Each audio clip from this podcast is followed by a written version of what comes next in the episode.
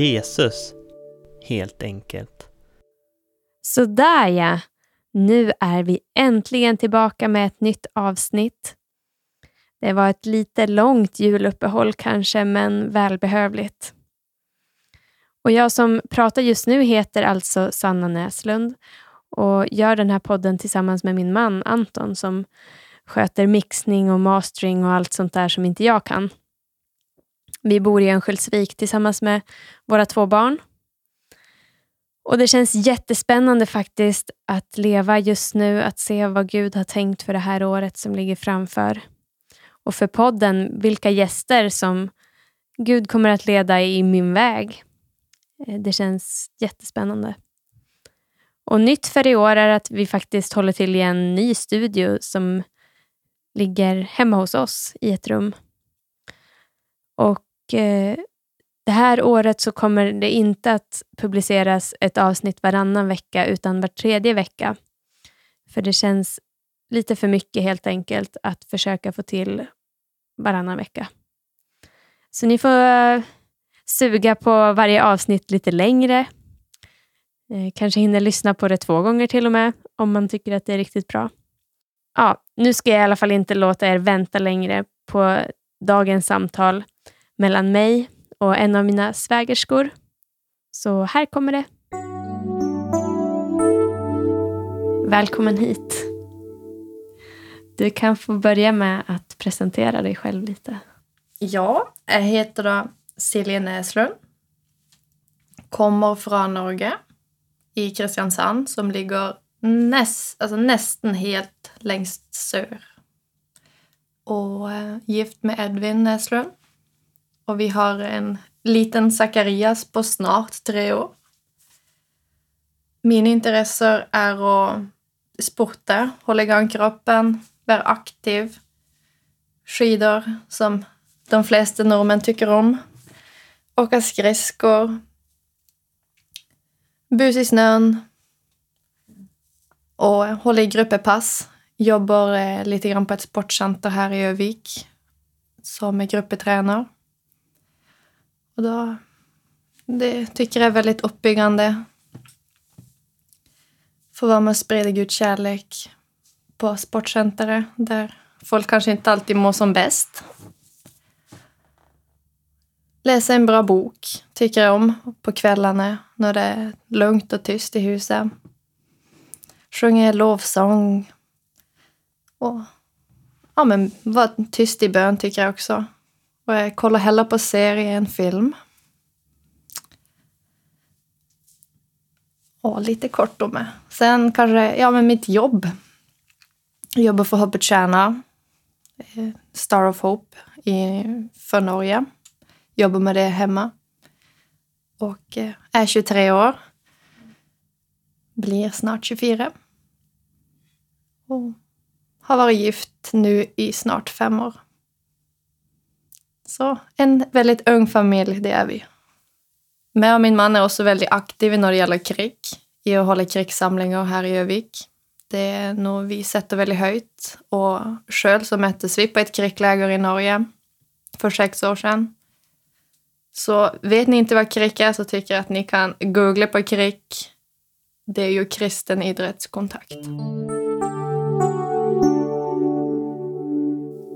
Hur länge har du känt Jesus? Egentligen hela mitt liv. Eh, växte upp i en kristen familj.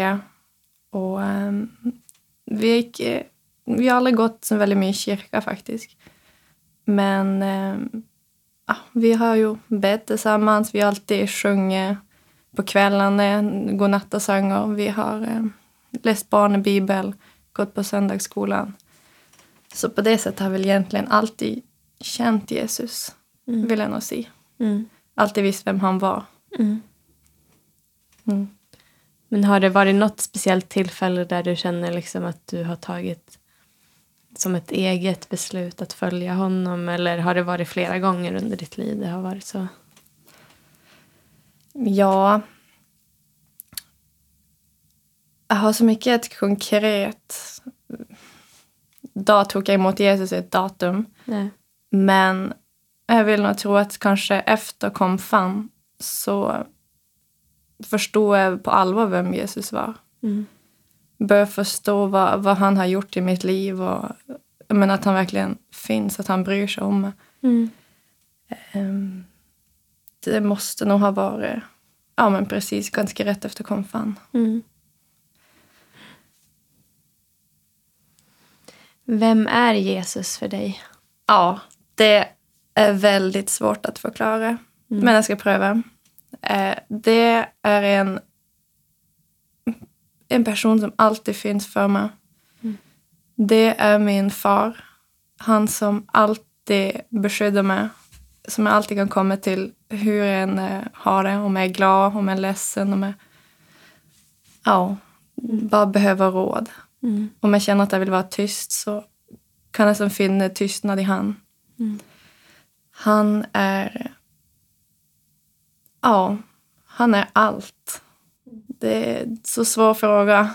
Men verkligen, det är, man måste liksom få bli känd med honom för att förstå vad man menar. Mm. Han är verkligen kärlek, han är trygghet. Han är... Hans nåd är ny varje dag och man får verkligen bara vara vem man själv vill. Mm.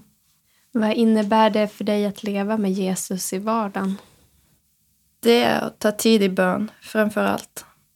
Att varje morgon, i alla fall pröva varje morgon att be, alltså tacka för dagen Mm. och invitera Jesus med i allt jag gör. Att eh, läsa Bibel, få lite input därifrån. Att eh, umgås med mina kristna kompisar, att vi tillsammans kan be. Mm. Sjunga lovsång, lyssna på lovsång. Ja. Bönegrupper och, och kyrkan, absolut. Mm. Och ungdomsarbete. Mm. Att man, och att man får stanna upp i vardagen och är man på affären och handlar att man verkligen får tacka för att man har ett jobb, att man har ekonomi så man klarar sig. Ja, typ att man kommer på att stanna upp, tacka för det man har och be för om det är något särskilt man kom på att man ska kanske be för. Och, Mm. ja. Så han finns med som hela tiden på ett eller annat sätt. ja, det är i alla fall målet. Mm. Ja. Precis.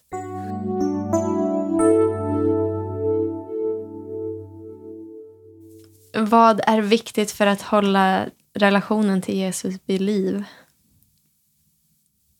Det är att ta tid till honom. Mm. det är att prioritera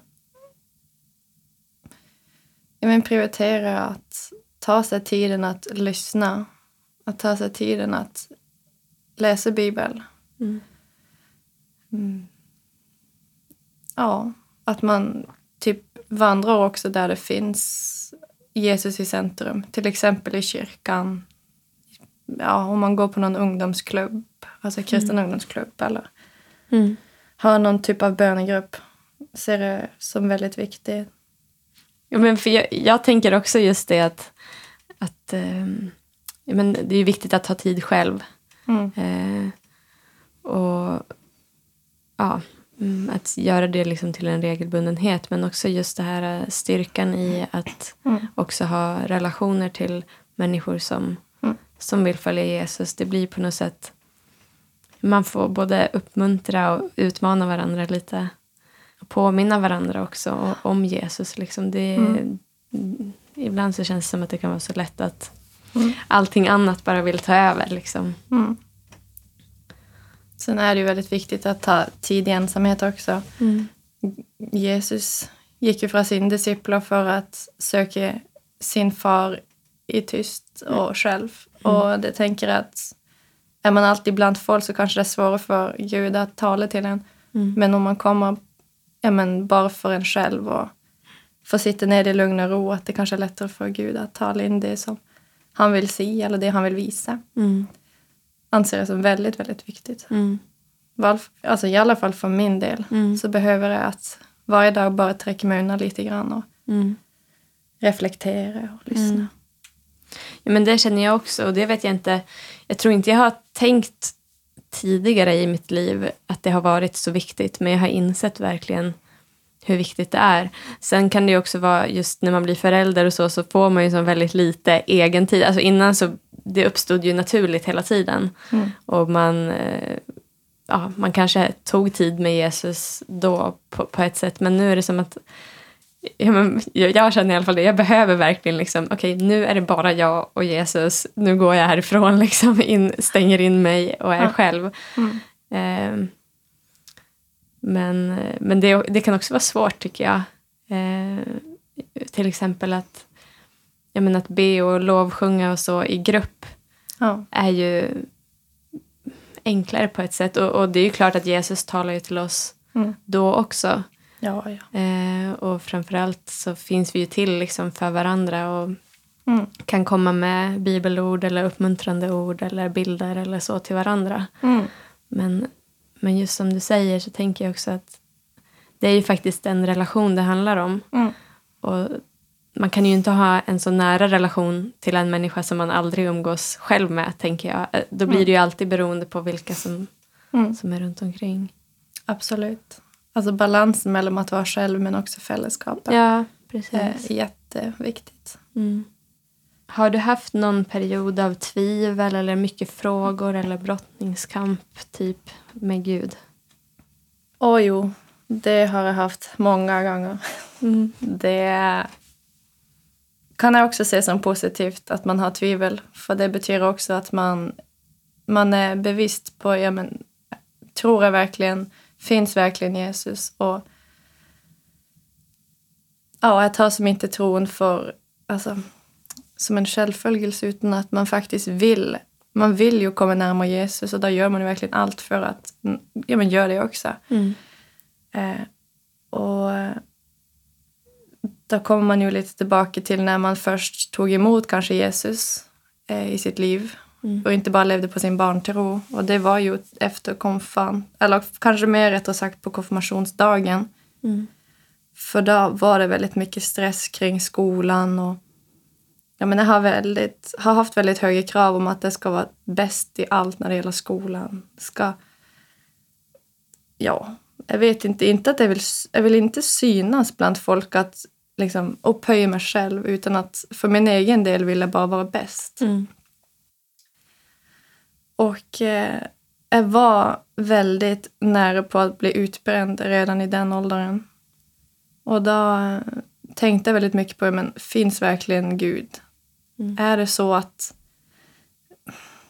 Men eftersom att inte vi gick i kyrkan så mycket heller så pratade vi inte jättemycket om Jesus heller. Det var som inte ett samtalsämne som vi jämt pratade om. Mm. Och eh, det var så lätt att man bara levde i världen. Man gjorde som alla andra. Jag hade även kristna kompisar men det är ju inte det man pratar kanske under, när man är i den åldern. Nej. Eh, det var ju lite mer kanske om killar och vanligt, Mm. världsligt. Mm. Men där på konfirmationsdagen så under, eh, när, när de ber individuellt för alla så kom, så sa de ett bibelvers från psalm 37, 4 och 5. Och eh, det var första gången jag fick det bekräftat. Och där står det Ha din lyst och glädje i Herren så ger han det ditt hjärta önskar. Lägg din väg i Herrens hand, stol på han så griper han in. Mm. Och eh, sen tänkte jag inte så mycket under det. Eh, det var klart det var ett fint bibelvers och sådär. Alla fick ju varsitt. Och sen eh, min konfirmationsledare, det var två tjejer, Mm. gav mig, ja, men de gav mig en bok. Och där hade de också skrivit ett bibelvers. Och det var exakt samma bibelvers. Och de hade inte pratat med prästen heller, för jag frågade bara, men är det här, har ni samarbetat? Mm. Det hade de inte. Och sen innan jag åkte på gudstjänst på konfirmationen så gav pappa med det bibelverser också, de två. Och det var då som efter den här eh, efter gudstjänsten började jag liksom fundera bara, oj, det här var ju väldigt konstigt. Tre personer som ger mig, mig samma bibelvers. Mm. Och sen på kvällen så får man ju presenter och sådär. Mm. Och då var det en gäst som hade gett mig exakt samma bibelvers också. Och jag bara, alltså gud. Det Gud, du vill verkligen säga det här. Ja, det här är ju verkligen du. Det finns inte någonstans att det bara är en coincidence att Nej. man... Ja. Och då kände jag bara, ja men jag ska inte gå i egen kraft utan jag ska bara lägga mitt liv i Herrens händer och han kommer att leda mig. Mm. Och varje gång man får de här tvivel, bara, men finns verkligen Gud? Det känns så tyst, det känns så tomt. Mm. Så måste jag bara komma på det här bibelverset. Mm. Jo, Gud finns. Mm. Och jag ska bara... Han talar till mig varje dag, det är jag väldigt säker på. Mm. Men det är bara just det att man tar sig tid att lyssna in.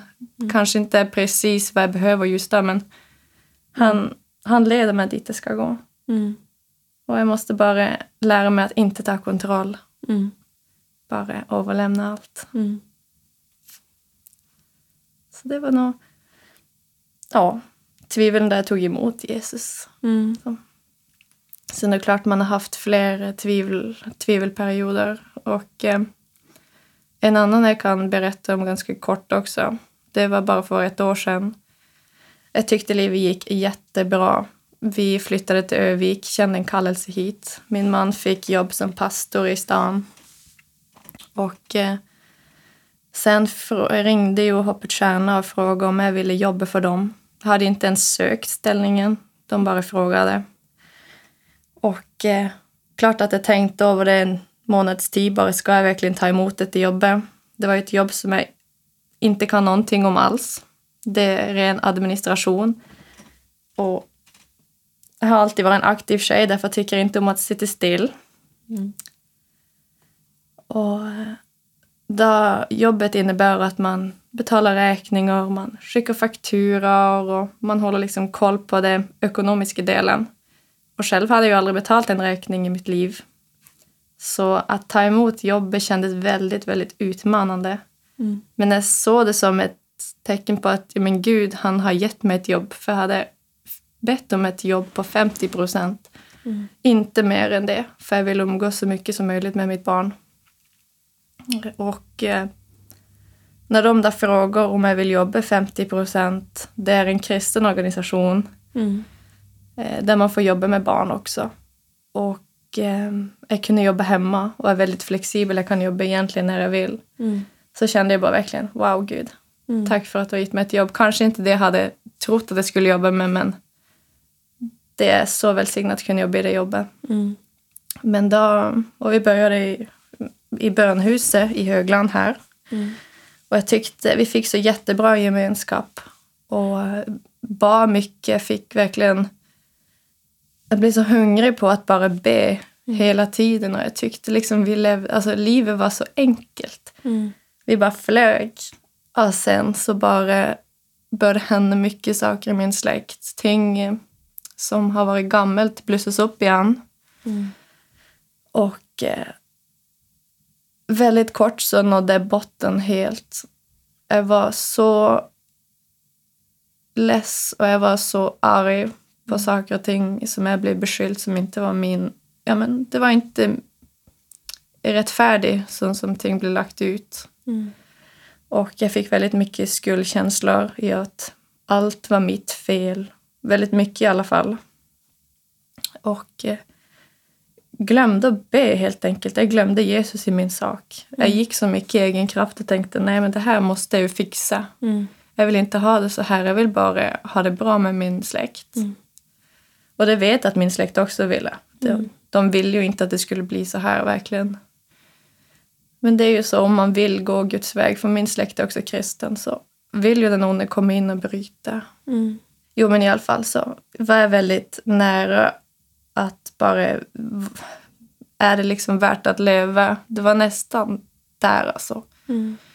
Men som tur så har jag en väldigt fin familj runt mig. Alltså min man och mitt barn och, och hela Näslund-familjen. Mm. Och eh, sen blev jag påmind av eh, men alla runt mig att Silje, du måste be. Mm. Och det var så tufft och jag ville inte be men så sa jag bara jo, jag måste. Så jag tog val att jag började be. Och jag började be och ingenting hände. Och det blev bara värre min situation och jag tänkte det här kan ju inte bli bra någon gång. Så en kväll så bara efter en samtal med dem så bara föll jag på mina knä. Jag skrek ut av mitt inre och bara frågade Gud vad ska jag göra? Mm. Nu har jag gjort allt jag kan, har bett om förlåtelse för den som finns att kunna be om. Nu är det upp till du att Mm. leda, leda oss vidare vart vi ska gå. Mm. När man väl låg och kände sig som helt på botten så eh, efter, ja, men efter några veckor var det nog så var vi på ett ungdomsmöte, ett sånt ekumeniskt ungdomsmöte i- Elim. Och efter mötet var färdigt och inte något sånt särskilt som egentligen talades med eh, Men så kom en kvinna fram, eh, eller hon satte sig bak mig och frågade om hon kunde få be för mig. För jag hade gått upp eh, under ett annat tillfälle och tänt ett ljus för, eh, för en person. Och då hade hon fått ögon, alltså hon hade fått ögon på mig och då hade Herren talat till henne att eh, du ska gå fram till den här kvinnan. Det var det enda hon visste. Och eh, så sitter hon bak mig och frågar om hon kunde be för mig. Och det här var en kvinna med en profetisk gåva. Och eh, sa absolut, du får be. Och då hade jag ju jättemånga tankar som jag gick och bar på. Bara, men Gud, finns du? Vart är du? Varför är du så tyst? Varför pratar du inte med mig? Varför visar du mig ingenting? Är det, är det bra som person? Är det en bra mamma? Vad som helst. Alltså alla sådana här frågor. Och då kommer den här kvinnan och det första hon säger det är att eh, Gud, jag tror att, eller Gud säger att, eh, att jag ska säga till dig att du är en väldigt bra mamma. Och den här kvinnan hade jag aldrig mött någon gång. Min man visste inte vem hon var. Hon visste inte vem jag var. Hon eh, råkade vara i Övik den, den veckan. Och eh, då brast ju jag ihop. För då fick jag verkligen bekräftat för under de här perioderna där det var verkligen som tuffa så jag orkade inte leka med min son. Jag orkade inte. Jag blev så lätt irriterad och eh, ja, jag låg mest på mitt rum i min säng och ville inte se någon. Jag ville inte umgås med någon. Och bara höra det bekräftat att jag är en bra mamma, det gjorde så mycket. Och sen, eh, men, allt som jag gick och bar på, det bekräftade Gud via den här kvinnan. Och han gav mig svar och han, alltså hon profeterade över saker och ting som kommer att hända i mitt liv också. Mm. Och det är klart man ska ju testa fram också men det var ju verkligen ett, som ett vändpunkt i det här, den här tunga tiden också. För jag klarade verkligen inte mer. Alltså jag visste inte hur mitt liv skulle gå runt Mm. en period. Och sen när Gud skickade den här kvinnan så var ju det verkligen min räddning. Mm. Och sen efter den kvällen så har ting bara blivit bättre och bättre. Inte som att wow, nu, nu är det bra dag för dag. Utan som smått. Det, det börjar bli bättre och det här är rummet där man har känt sig så fyllt av ja, men man har varit så less och man har varit så arg. Gud har som fyllt det med glädje Mm. och frid framför allt. Mm. Och att man kan få förlåta någon som har varit så orättvis. Mm. Det är verkligen en segerskamp. Mm. Eh, och min släkt har ju också, tror jag verkligen, kommit mycket bättre ut av situationen också. Vi har alla mognat väldigt mycket i vår tro. Vi har kommit närmare Jesus mer än någonsin. Och eh, vi har blivit mycket mer öppna för varandra. Så varje gång det händer en situation så säger vi till varandra att oj, var det det här du menade? Eller ja, men det här sårade mig, vad, hur gör vi det här nu? Mm. Och, eh, för vi har förstått att det har inte varit våran kamp utan att det har varit något, ja, men någon ond makt som har verkligen velat splittrat oss. För vi är en släkt som vill leva nära varandra och vi vill gå Guds väg. Mm. Och det enda vi kan göra det är att be. Mm. För Gud är den som gör allt som känns omöjligt, det gör han möjligt. Mm. Och det vill jag bara säga att varje dag är en ny dag med nya möjligheter. Hans nåd är ny varje dag. Mm.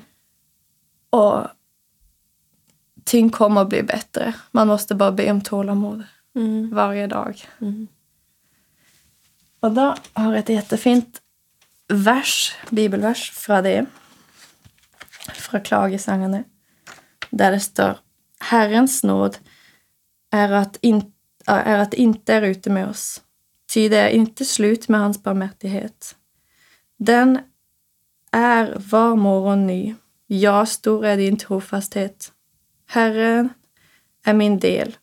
Det säger mig min själ. Därför står mitt hopp till honom. Herren är god mot dem som väntar på honom, mot den själ som söker honom. Mm. Och det tycker jag förtjänar ett amen. Mm. Amen. ja. Men det är ju...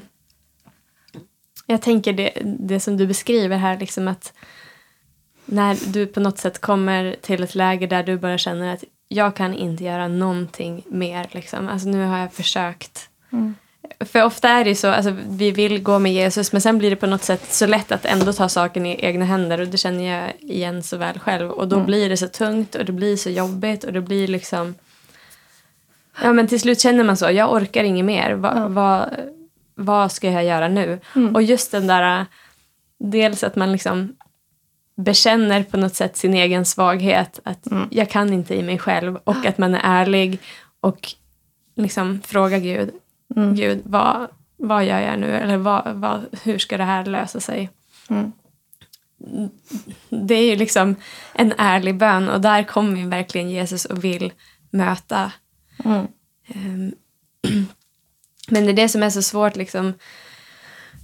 Eh, Det är ju lätt att tänka bara, ja men när jag tar emot Jesus då blir allting frid och fröjd och allting kommer bli jättebra och det blir så härligt och roligt och Mm. jag kommer inte ha några problem liksom. Mm. Och på ett sätt så, jag menar, det skulle ju kunna vara så om vi levde i himlen Ja. med Jesus, höll jag på att säga. Nej, men, alltså, men vi lever ju i den här världen och, och även om, om vi försöker att hålla oss nära Jesus så kommer det ju ändå vara människor eller saker runt omkring som inte Dels som inte vill att vi ska leva nära Jesus som du säger och, och också bara onda saker i sig Mm. själv på något sätt. Eller liksom, Mm. Eh, och, och, och där, det är ju otroligt svårt. Ja. Eh, så det kommer ju vara en kamp hela ens liv, tänker jag. Mm. Och nu har jag varit i, eh, nu typ senaste veckan, att jag har känt mig väldigt trött. Eh, och också att ja, men det har varit mycket i min familj som jag har känt liksom, Mm. ja, hur, hur ska det här bli? Och, ja, men just det här att eh, den här kampen som på något sätt är eh, bara, men gud, är det värt det här? Jag orkar inte liksom. Mm. Men, men på något sätt så väljer jag att gå utan Jesus. Då kommer jag ju fortsatt ha kamp ändå. Ja. Det finns ju liksom ingenstans där det inte finns kamp. Men om jag går med Jesus så har jag ju i alla fall någon som, Mm. som vet vad som är bäst och som ger kraft och som ger uthållighet, som ger styrka. Mm. Ehm, och, och som har en, en väg liksom, Mm. ut ur mörkret. Mm. Även om det kan kännas jättetufft i, i perioder. Ehm, Men det är ju just det, liksom, att hålla sig kvar och verkligen och, och tillåta sig själv att känna sig svag också. Det, är- det är ju inte roligt. Mm. Men, men jag tänker att ju mer, ju mer man vet att jag kan inte göra någonting i mig själv Mm. desto mer blir det ju Guds verk som blir synligt i sitt liv. Ja. Jag läste en väldigt bra andakt här för någon vecka sedan.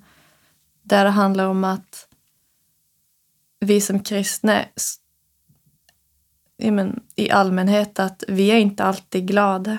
Alltså Mm. du behöver inte vara glad jämt för att du är kristen. Mm. För livet byr på utmaningar och vi är människor och vi gör alla fel, vi är syndare. Mm. Och att man kan vila i att även om man gör fel och ja, så behöver man inte gå med huvudet upprest för att man är kristen och ja, men det kommer att lösa sig utan att man får vara svag, man får vara precis som alla andra för vi är ingen speciella. supermänniskor. Nej, Gud älskar ju alla precis lika mycket. Mm. Och det finns ingenting som gör att vi kan göra något för att Gud ska älska oss mer. Mm. Och det tycker jag är väldigt viktigt att komma ihåg att även om vi är kristna så är inte vi bättre än alla andra. Mm. Det Verkligen. ja, var en ting som har fastnat på mitt hjärta i några veckor. Att det är faktiskt sant. Man får vara svag, man får vara ja, men som man är. Mm. Gud älskar oss ändå. Mm. Och en väldigt bra bild som är som en teckenserie, en teckneserie som jag läste för flera år sedan som har kommit upp bara som de senaste dagarna. Det är att första bild så så ser man en person som är väldigt ledsen, som är väldigt eh, ensam och eh, har gått igenom mycket i livet, kan man få känslan av. Mm. Sen kommer bild nummer två. Det är att han ber till Gud, sitter på knä och fåller händerna. Mm. Och bild nummer tre är att personen får en sten i huvudet och han blir rasande. Han blir så arg och förstår inte varför han, när han ber, varför ska han möta liksom motstånd? Stenen är som en motstånd. Mm. Sen är det bild nummer fyra. Då har personen snutt sig och är helt mållös. För där står Gud och håller kvar alla de här stenarna som personer kastar. Mm. Och att en liten sten träffar igenom. Mm. Det gör ingenting för att Gud håller igen allt som vi inte klarar av. Han håller oss... Ja, men han är den som för, alltså, vet att vi kommer att klara... Alltså, ja, men, han, ja, det är så svårt att förklara, men Mm. Gud lägger aldrig på för mycket än vad vi klarar av. Precis. Och där har du det att även om han fick den här lilla stenen på sig, den här lilla utmaningen eller vad det skulle vara, så livet är inte perfekt för oss kristna heller. Mm. Och jag tycker det är en väldigt bra bild att Gud håller igen stormen. Mm. Ja, verkligen. Och sen är det ju på något sätt Ja men den här lilla stenen, ibland är det ju som att den behövs för annars skulle man ju bara gå själv Ja. helt plötsligt. Alltså, då skulle man inte bry sig om, om Gud för då går allting så bra och det funkar och livet är liksom perfekt. Ja. Eh, visst att man, man, man kanske kommer ihåg att tacka Gud liksom, någon gång då och då om man har ett eh, bra liv. Liksom. Men, Ja. men det är ändå lätt att man ja, eh, klarar sig själv. Ja. Och, och det är ju inte någonting som är positivt i om man ser helheten liksom, ur ett evighetsperspektiv. Här och nu då vill vi ju bara ha liksom, bekymmersfritt och allting ska vara enkelt och bra och roligt. Och, men, men ur ett evighetsperspektiv så är det nästan som att de här små stenarna som kommer ibland faktiskt är väldigt avgörande och väldigt viktiga. Sen har jag också en annan bild som, som har, ja, men säkert många har sett förut. Och då är det fotspår i sanden. Och eh, där handlar det om att det är också en person som är väldigt, ja, men, kanske också när utbrändhet, känner sig ensam, mycket motstånd i livet. Och eh, så ser han sina fotspår i sanden och så bara frågar han Gud, Gud varför går du inte med mig? Varför känner du allt det här själv? Mm. Och så svarar Gud att det är inte dina fotspår du ser, utan det är mina. För jag bär det på min rygg. Mm. Och det tycker jag också är så starkt. Verkligen. Det, och det är verkligen så. Mm. Han gör, han gör det. Mm. Och det måste man bara lita på och verkligen tro är sant också. Mm. Ja, och det, just det här med att lita på och att släppa kontrollen, det är ju det som tron egentligen innebär. Mm. Eh, att våga släppa mer och mer av sin egen kontroll över saker och ting och lita på att Gud har kontroll. Han vet vad som är bäst för mig. Han kommer att hålla. Liksom, oavsett vad jag möter i livet så finns han där och han kommer aldrig släppa taget om mig. Ja. Att det, det är liksom att lita på eh, att han gör, gör allting som vi inte kommer att fixa själv. Mm. Ehm, men ehm, ja, det är svårt. det är det. Det är verkligen svårt. Jag kom bara att tänka på nu, jag tänkte vi kunde dela lite kort kring det. Att eh, just behovet, tänker jag, att ha människor runt omkring sig som, eh, som man vandrar tillsammans med.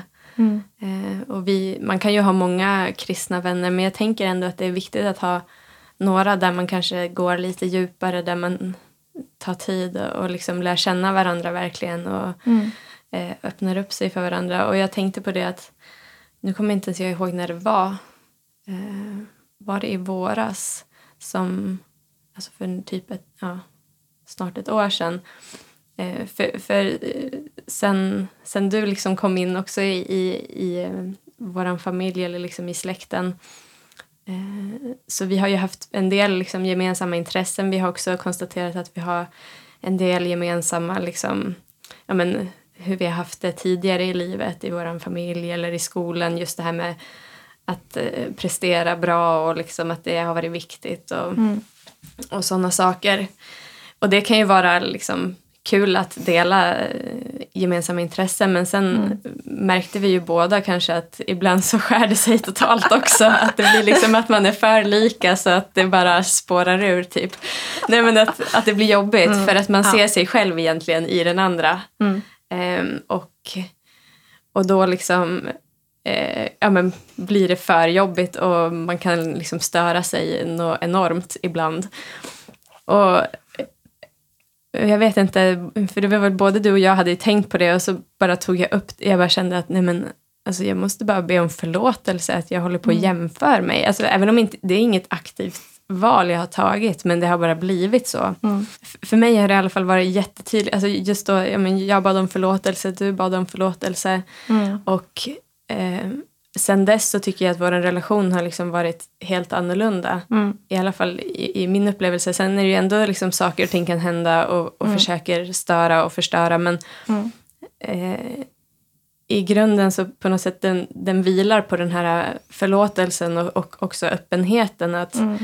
okej, liksom, vi, vi vet hur det är och, Mm. eh, men, men ändå så, ja, vi, vi vill liksom ha en god relation där vi, Mm. där vi är öppna och, och ärliga och ber om förlåtelse. Mm.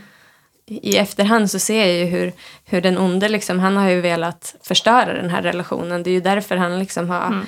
ja, men, sl- slänger på tankar och känslor och, och Mm. allt möjligt liksom påverkar för att förstöra. Medan eh, nu liksom, om, när vi båda väljer att ja, men, Mm. förlåta och be om förlåtelse så får Mm. Gud istället visa sin plan. Mm. Eh, och där han liksom kan föra oss samman, där vi kan stärka upp varandra och, och gå tillsammans och också Mm. dela både svagheter och, och styrkor med Mm. varandra på, på ett sätt som blir uppbyggligt. Ja.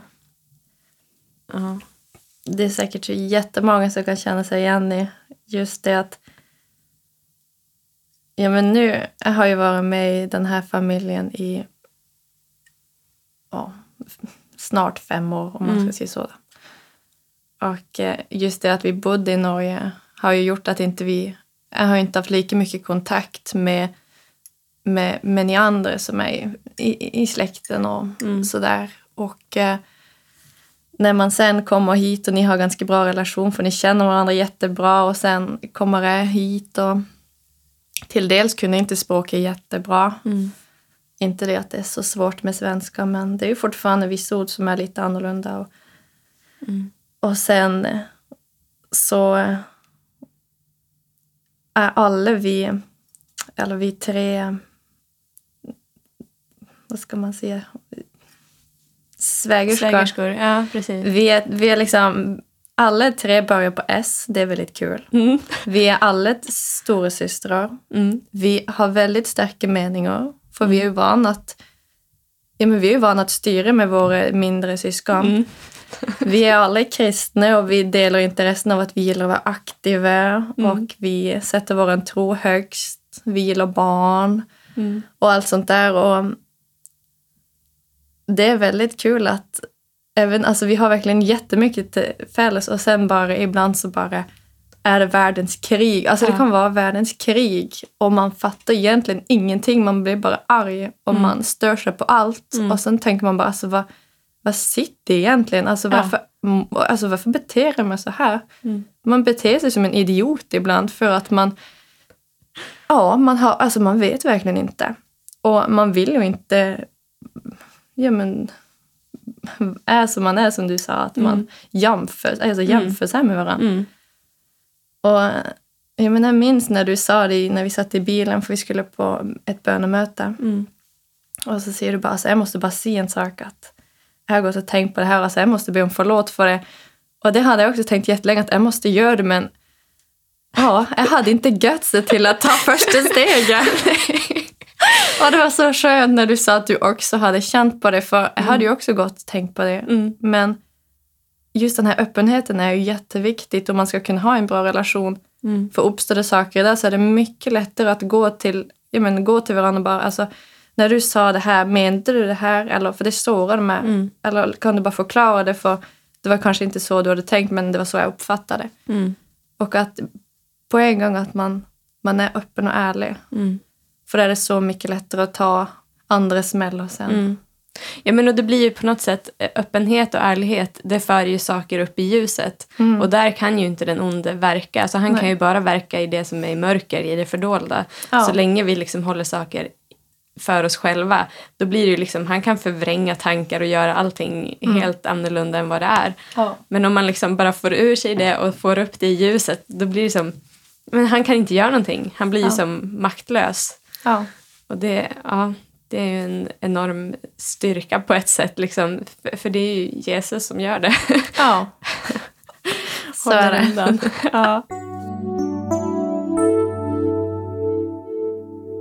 Har du något vittnesbörd som du skulle vilja dela? Antingen från ditt eget liv eller något annat som du kommer att tänka på?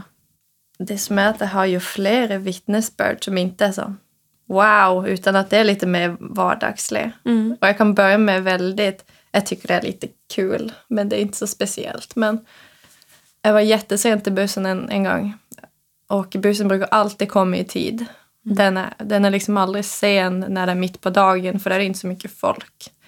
Och så skulle jag ha en prov på skolan och jag bara, och det var ingen hemma som kunde skjutsa mig. Och jag vet inte varför jag var så sen egentligen.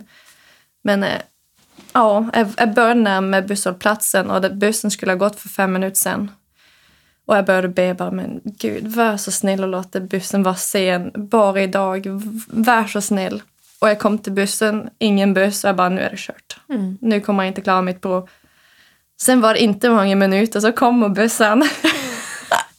och jag säger på det som ett bönesvar. Ja. Jag tycker det är väldigt kul för man kan be om stora saker som små saker. Mm.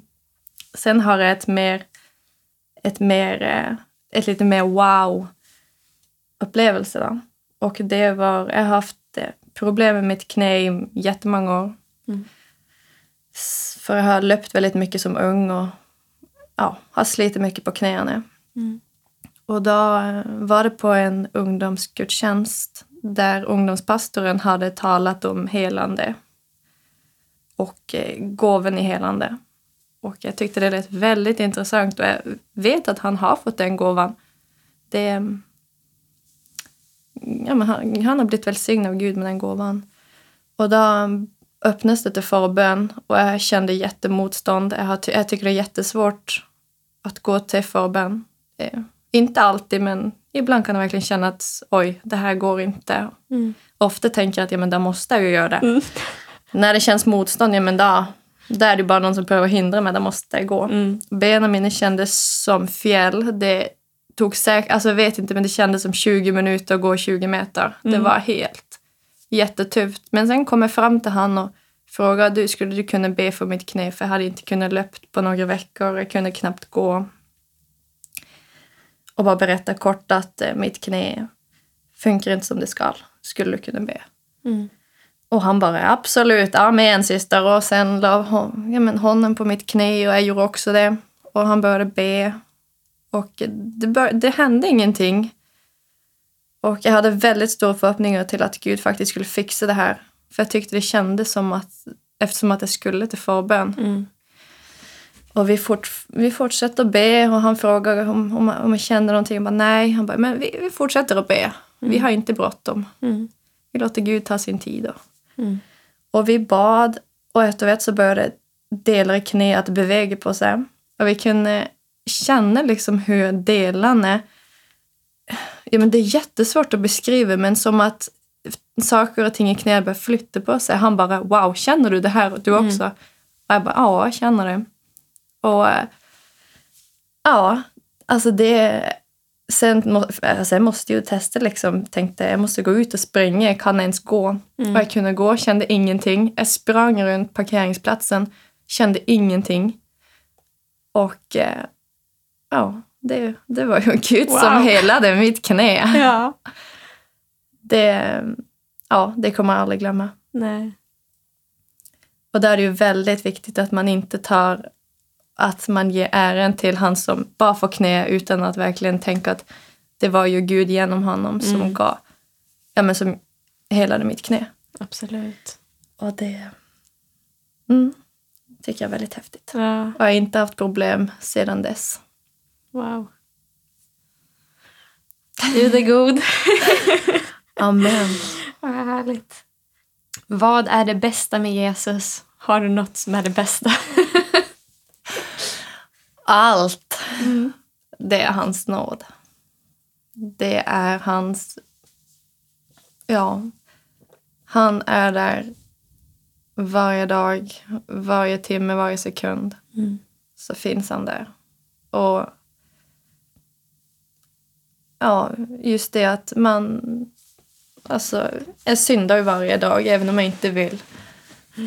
Och att man alltid kan komma och be om förlåtelse och kan, kan tillge på plats. Mm.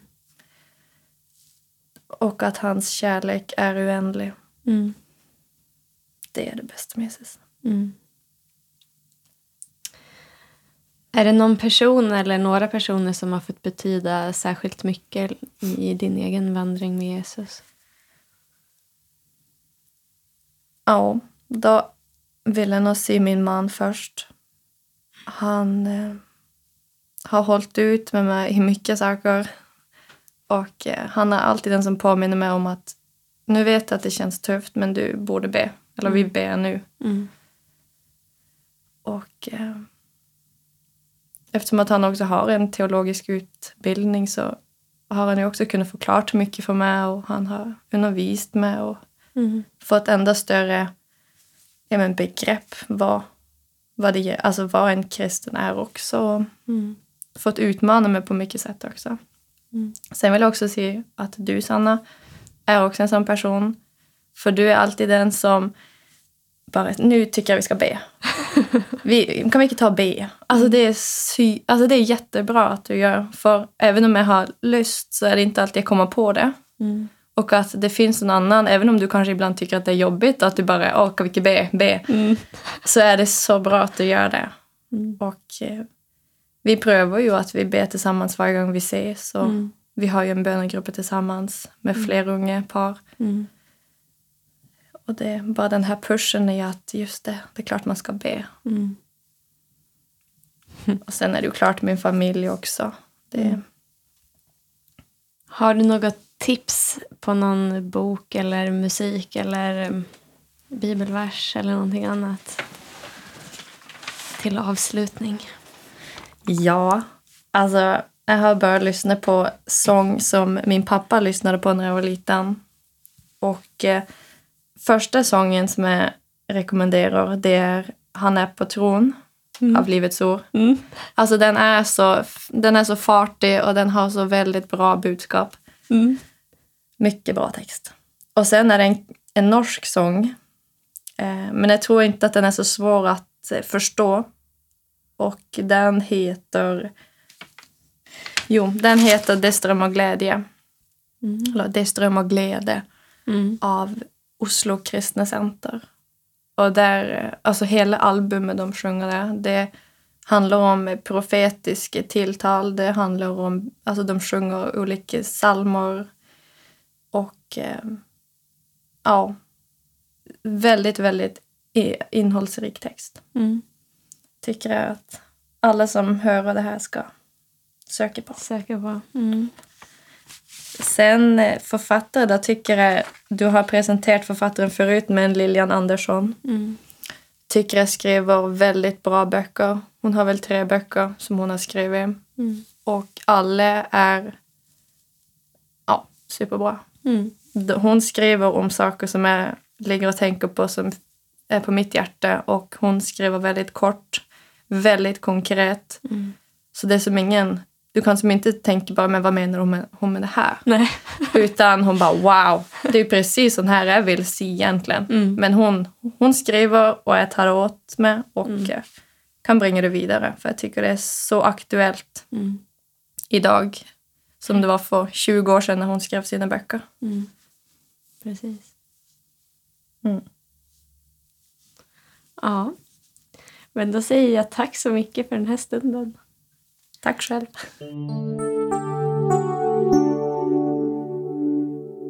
Jag tycker det har varit väldigt häftigt flera gånger eh, när jag har spelat in de här samtalen så har det som vi har samtalat om har jag sen läst om i Bibeln eller i någon annan bok. Och Ofta har jag ju också läst in det så att ni får lyssna till det. Och Precis samma sak händer då efter det här samtalet med Silje på kvällen när jag ligger och läser i den boken jag läser just nu som är väldigt bra. Korsfäst konung heter den av Timothy Keller. Eh, Så just det kapitlet som jag läser tycker jag passar väldigt bra efter dagens samtal. Så jag ska bara läsa ett avsnitt ur den här boken. Och under rubriken för det här avsnittet är kärlekens lydnad. När livets omständigheter ger oss vad vårt hjärta begär, då är vi belåtna. Vi kanske tänker att lidande uppstår när det råder skillnad mellan vad vårt hjärta begär och våra livsomständigheter. Och ju större skillnad, desto större lidande. Vad gör man då när skillnaden blir för stor?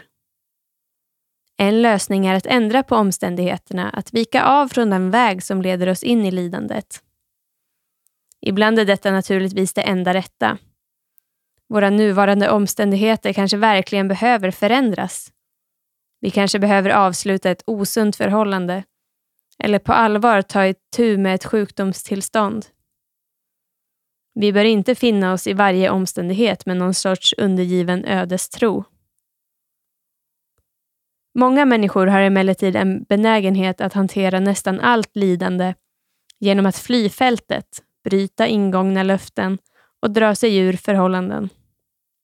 De försöker ständigt bege sig någonstans där deras önskningar blir uppfyllda, eftersom de betraktar sina önskningar som viktigare än allt annat, vilket gör att deras omständigheter alltid är förhandlingsbara. De är beredda att göra praktiskt taget vad som helst för att slippa lidande. Problemet är att livets omständigheter sällan gör oss till viljes. Prövar man att byta omständigheter kommer man att behöva byta igen efter ett halvår. Buddhismens åttafaldiga väg förordar ingen sån lösning. Det gjorde inte heller de gamla stoikerna. De menade att det inte finns något ärbart eller förtjänstfullt i att undvika lidande.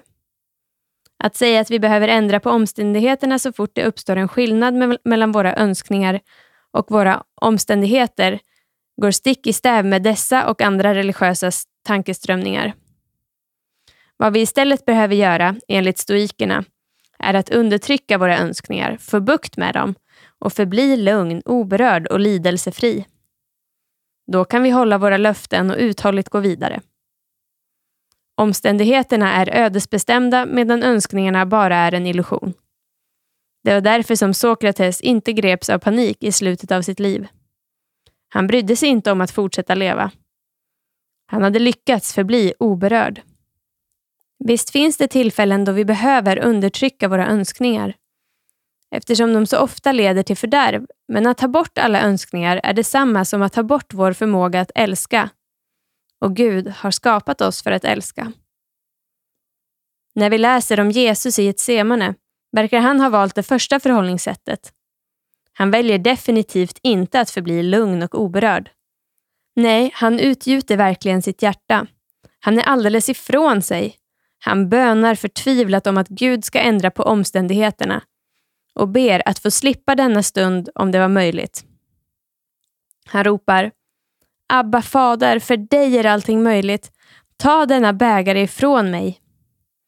Han tvistar med fadern och ber honom att visa på en utväg. Ett annat sätt att rädda oss utan att själv behöva prisge sig åt det ljungande svärdet. Men titta noga, han tar inte omständigheterna i egna händer. Till slut lyder han, ger upp kontrollen över sina omständigheter och rättar sina önskningar efter Faderns vilja. Han säger till Gud, men inte som jag vill, utan som du vill. Han brottas, men lyder på grund av kärlek. Det hade fortfarande varit möjligt för Jesus att i elfte timmen avbryta sitt uppdrag och lämna oss att förgås. Men han ser inte det som något alternativ. Han ber Fadern att få fullfölja uppdraget på något annat sätt. Men han begär inte att få ge upp det helt och hållet. Varför? Därför att hur fasansfull bägaren än är, så inser han att hans omedelbara önskan, att bli skonad, måste ge vika för hans yttersta önskan, att skona oss. Vad som många gånger förefaller vara vår innersta önskningar är i själva verket bara våra högljuddaste önskningar.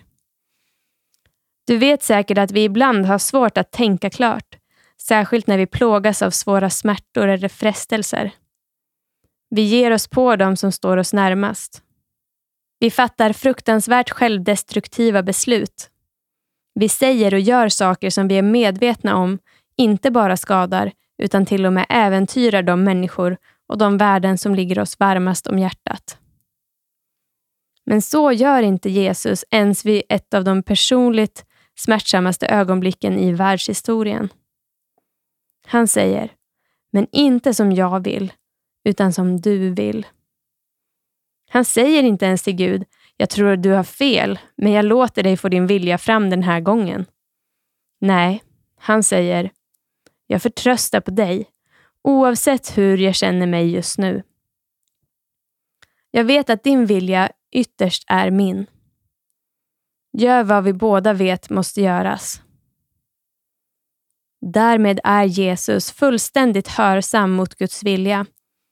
Men inte som jag vill, utan som du vill. Jesus låter sina högljuddaste önskningar stå tillbaka för sina djupaste önskningar genom att lägga dem i Faderns händer. Det är som att säga, om livets omständigheter inte uppfyller mitt hjärtas rådande önskningar, tänker jag inte förtränga dessa önskningar, men jag tänker inte heller ge efter för dem. Jag vet att de till slut bara får sin uppfyllelse i Fadern. Jag tänker förtrösta på och lyda honom, lämna mig i hans händer och gå vidare. Jesus förnekar inte sina känslor, men han undviker inte lidandet. Han går in i lidandet med kärlek. Mitt i sitt lidande gör han Guds vilja. Därför att han älskar Fadern och älskar oss. När vi inser detta kommer också vi att kunna förtrösta på Fadern i vårt lidande istället för att ständigt förneka våra önskningar och ändra på våra omständigheter.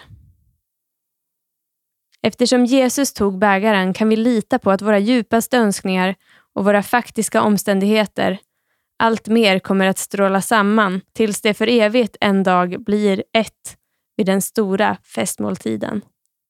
Denna kärlek vars lydnad är tillräckligt bred och lång och hög och djup för att upplösa ett berg av rättmätig vrede är den kärlek som vi hela livet har längtat efter. Det finns ingen kärlek, varken från familj, vänner, mor, äkta makar eller älskande som kan tillfredsställa oss som denna kärlek. Alla andra sorters kärlek kommer förr eller senare att göra oss besvikna. Men aldrig denna.